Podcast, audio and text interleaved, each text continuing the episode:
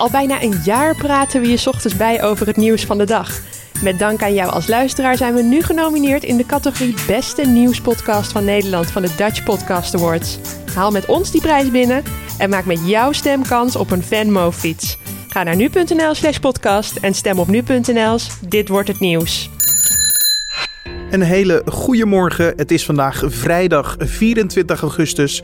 Mijn naam is Carne van der Brink en dit is weer een nieuwe nu.nl Dit wordt het nieuws podcast. Deze ochtend praat ik je weer bij over het nieuws van afgelopen nacht en wat voor dag het vandaag gaat worden. In deze uitzending hoor je alles over DNA-testen. Want moet dit verplicht worden na een oproep? Of moet er een DNA-database worden opgebouwd? Nadelen, maar dat is dan meer, eh, denk ik, rechtsstatelijk, is dat als je iemand zijn DNA aantreft op een plek, wil dat natuurlijk nog niet zeggen dat hij het gedaan heeft. Alleen maar dat er op de een of andere manier zijn DNA op die plek terecht is gekomen. Ook bespreken we de kansen van Max Verstappen tijdens de Grand Prix van België. Maar eerst kijken we kort terug naar het belangrijkste nieuws van afgelopen nacht.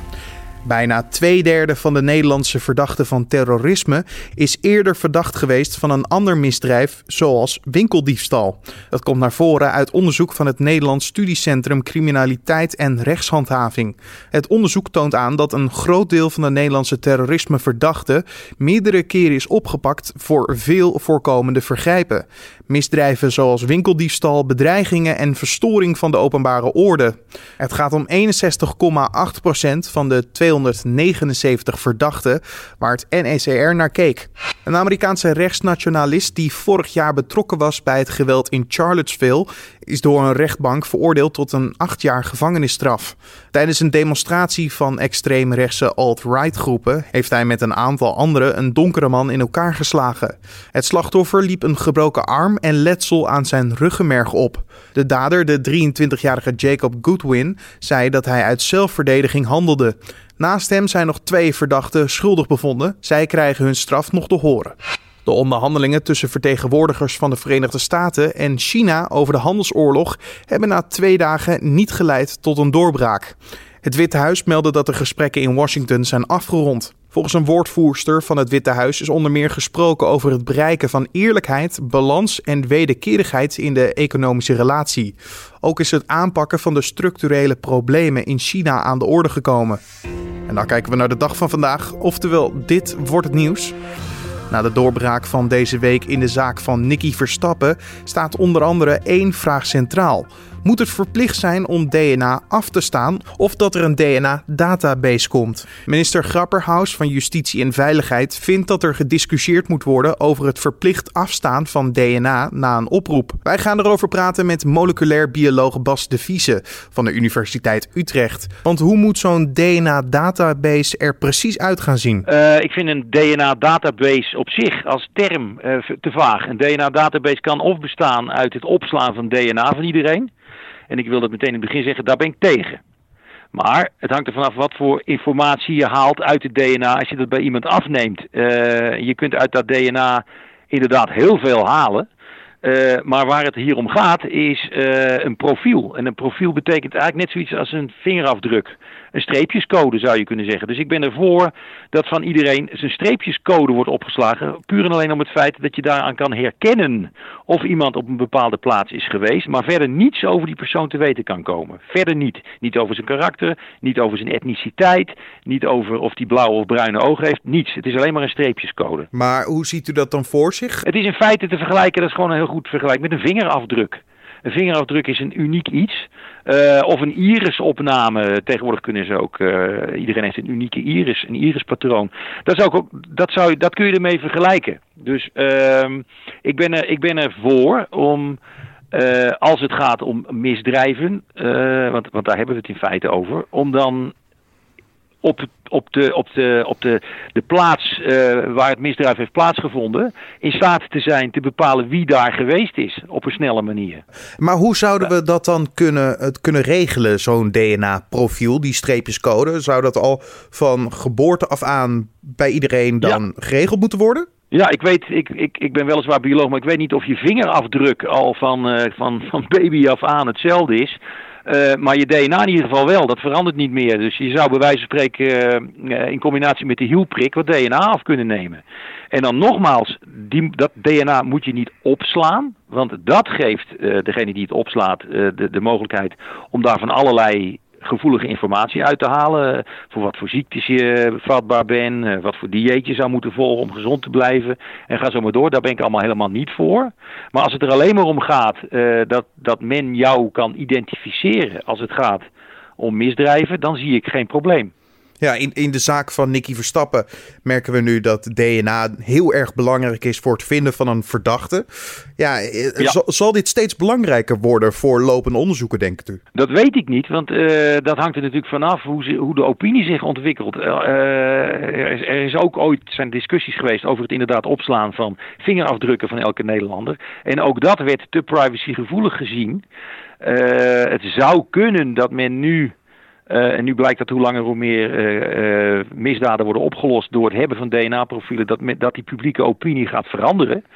Ehm, maar dat kan ik niet voorspellen. Ik, ik denk het wel, maar ik weet het niet zeker. Als we kijken nu hè, naar zo'n DNA-profiel of zoals ik eerder zei, DNA-database, zijn er bijvoorbeeld ook nadelen te noemen voor zo'n systeem? Uh, ja, nadelen, maar dat is dan meer, uh, denk ik, rechtsstatelijk. Is dat als je iemand zijn DNA aantreft op een plek, wil dat natuurlijk nog niet zeggen dat hij het gedaan heeft. Alleen maar dat er op de een of andere manier zijn DNA op die plek terecht is gekomen. En dat kan natuurlijk ook nog altijd via derden, dus je moet echt uitkijken als het allemaal te gevoelig wordt. Dan zou bij wijze van spreken zou ik uh, een, een haar van een collega aan mijn jasje hebben kunnen plakken. En ik kom dan toevallig voorbij een, eh, een, een plek waar een misdaad is gepleegd en die haar valt eraf. Dan ligt dat DNA van mijn collega daar. En die moet dan uit gaan leggen hoe het kan dat hij daar geweest is. Snap je? Dus dat zijn wel hele gevaarlijke ontwikkelingen. Dus het moet nooit 100% als evidence worden beschouwd. Maar het is wel een hele belangrijke aanwijzing voor wie er waar op een bepaald moment. Nou, dat laatste niet. Je kunt er niet uithalen op wat voor moment, maar voor wie waar geweest is. En nu komt er dan weer een andere discussie over bijvoorbeeld het verplicht afstaan van DNA. Uh, minister uh, Grapperhaus van Justitie en Veiligheid uh, wil daar een discussie over. Nu heeft bijvoorbeeld ook de Nederlandse Orde van Advocaten ook al gezegd: we staan hier afwijzend tegenover. Omdat de orde mm ziet ook een praktisch probleem. Ga je iedereen die om wat voor reden dan ook geen gehoor geeft aan de oproep fysiek dwingen mee te werken, bijvoorbeeld aan zo'n onderzoek? Kan dat überhaupt? Nou. Wat zijn de vragen die er nu spelen? Hoe dwing je mensen om bijvoorbeeld dan mm, ja, mee te werken? Maar ik vind dat, uh, ik vind dat uh, vragen die veel te vroeg gesteld worden. Uh, je zal altijd een overgangssituatie meemaken. Waarin er inderdaad mensen niet te vinden zijn, mensen die willen niet meewerken. Je moet eerst een, een principebesluit nemen of je het überhaupt wil. En dan moet je niet meteen rare praktische bezwaren naar voren gaan brengen. Die vind ik, ik persoonlijk vind dat uh, veel te vroeg om dat te doen. Uh, ja, het zal niet makkelijk zijn, uh, maar je moet ergens beginnen, denk ik dan. Eerste, eerste manier waarop je het wil doen, kristalliseren en dan pas naar de fysieke problemen kijken, denk ik zo. Ja, uh, en niet, en niet uh, rare dingen gaan lopen roepen als als iemand niet wil meewerken, zal die wel wat op zijn kerfstok hebben? Nee, ik kan me voorstellen dat er mensen zijn die het niet goed snappen of die denken van ik wil daar gewoon niet aan meewerken, uh, aan mijn lijf geen Polonaise.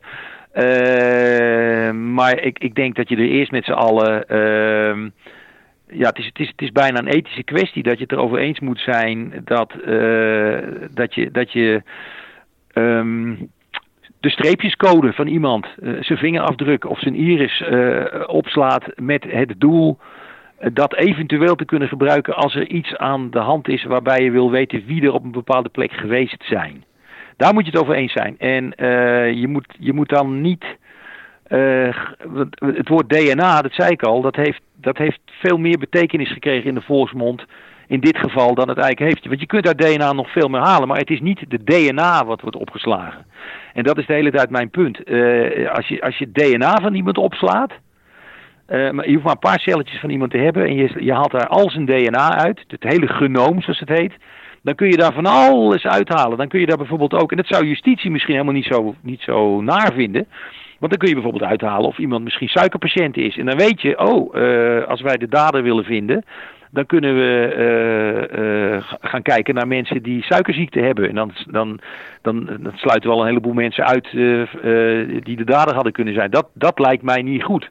Maar als het er alleen maar om gaat om aan te tonen of iemand ergens geweest is, dan lijkt mij dat wel goed. Snap je wat ik bedoel? Dat is het, dat is het grote verschil. Die conditie die ik stel aan het niet bewaren van DNA, Mhm. dat betekent dus in feite, je neemt DNA af, je bepaalt die streepjescode en dan moet je het daarna ook vernietigen. En ik denk dat heel veel mensen er bang voor zijn dat dat dan niet gebeurt. Weet je wat? Dat justitie zegt van, oké, we nemen dat profiel, maar voor alle zekerheid stoppen we DNA maar in de vriezer, want je weet maar nooit. En dat is wel een gevaar, dat moet niet. Je hoorde moleculair bioloog Bas de Vieze van de Universiteit Utrecht.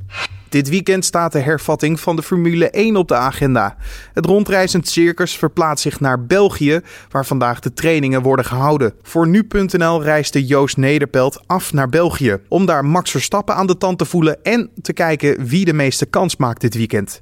Want hoe was het daar in België? Uh, het was een beetje stilte voor de storm nog. Er waren wel uh, al best wel wat Nederlandse fans. Uh, oranje Max Verstappen petjes die gingen al aardig in de ronde. Maar het was eigenlijk nog, nou, nog relatief rustig. De tribunes waren natuurlijk nog leeg. En er werd natuurlijk niet gereden. Dus in dat opzicht was het vooral uh, voorbereiding op morgen. Maar uh, het is, donderdag is altijd de persdag. En dan zijn er veel persconferenties en gesprekken met uh, coureurs en met, met teambazen en dat soort dingen. Dus ja, voor het journaal een belangrijke dag. Maar voor de fans meer indrinken, zou ik willen zeggen. Want dat heb ik vooral zien gebeuren. Gezellig gemaakt in ieder geval. Dat is een ja. goed begin van een mooi weekend, mooi Grand Prix weekend. kijkend, ja. jij hebt natuurlijk met Max Verstappen ook gesproken over ja. uh, wat, wat er nog te verwachten is van dit seizoen en van deze Grand Prix. Ja, hoe was hij onder? Ja, gelaten zou ik willen zeggen. Verstappen die realiseert zich, uh, of lijkt zich te realiseren dat, dat het echt moeilijk wordt om dit seizoen het gat naar Ferrari en Mercedes nog te dichten onder, onder normale omstandigheden. Um, en dat komt natuurlijk vooral door uh, nou ja, de vaak benoemde motor. En daar zit eigenlijk nu nog een extra factor aan. Want, want Red Bull Racing neemt natuurlijk afscheid van, van Renault. En aan het einde van dit seizoen stapt over naar Honda. En um, je merkt gewoon dat Renault, ja, de, de liefde tussen die twee partijen, die, die is uh, de afgelopen weken behoorlijk onder druk komen te staan. En het is echt een aflopende zaak. En Verstappen vroeg zich dan ook af of hij nog updates krijgt dit seizoen. En hij had het wel over nieuwe brandstof, maar ja, dat krijgt hij dan weer niet van Renault. En daar hopen ze dan nog weer iets van vermogen mee te winnen. Maar, maar de, de, echte, echte vuur om, om samen met Renault nog de, de, ja, de, de top te bedreigen ja, dat is gewoon weg. En, en, en, en het, is, uh, het is niet zo dat er helemaal geen resultaten geboekt meer kunnen worden dit seizoen. Uh, zeker bijvoorbeeld een baan als Singapore, daar, daar moet de Red echt goed uit de voeten kunnen. Dus daar kijkt Verstappen dan ook naar uit. Maar ja, dit is dan zijn thuisrace in Spa-Francorchamps. En het is natuurlijk zo dat het helemaal vol zit met, uh, met Nederlanders langs de tribune. Maar als het bijvoorbeeld zondag gewoon een droge race is en, en er gaat niks speciaals gebeuren. Ja, dan hij voorspelde zelf. Uh, want we hadden, we hadden een video namelijk met hem waarin hij uh, ook een voorspelling voor het podium van af, aankomende zondag uh, gaf. En daar voorspelde hij zichzelf niet op. Dus dat, dat is wel tekenend. Ja, en, en natuurlijk iemand die niet afscheid gaat nemen van Renault. Dat is zijn oud teamgenoot, nu nog teamgenoot, natuurlijk Daniel Ricciardo. En daar heeft Max Verstappen ook al een paar dingetjes over gezegd, toch? Ja, in ieder geval dat hij gaat missen, dacht hij. Um, en in ieder geval ook dat hij zei dat hij toch wel verbaasd was dat het nieuws kwam dat, uh, dat Ricardo weg uh, was. Ik denk dat, dat Verstappen dat niet aan had zien komen. Um, Ricardo gaf zelf ook wat redenen daarvoor nog, want hij zat in de persconferentie. Verstappen trouwens zelf ook.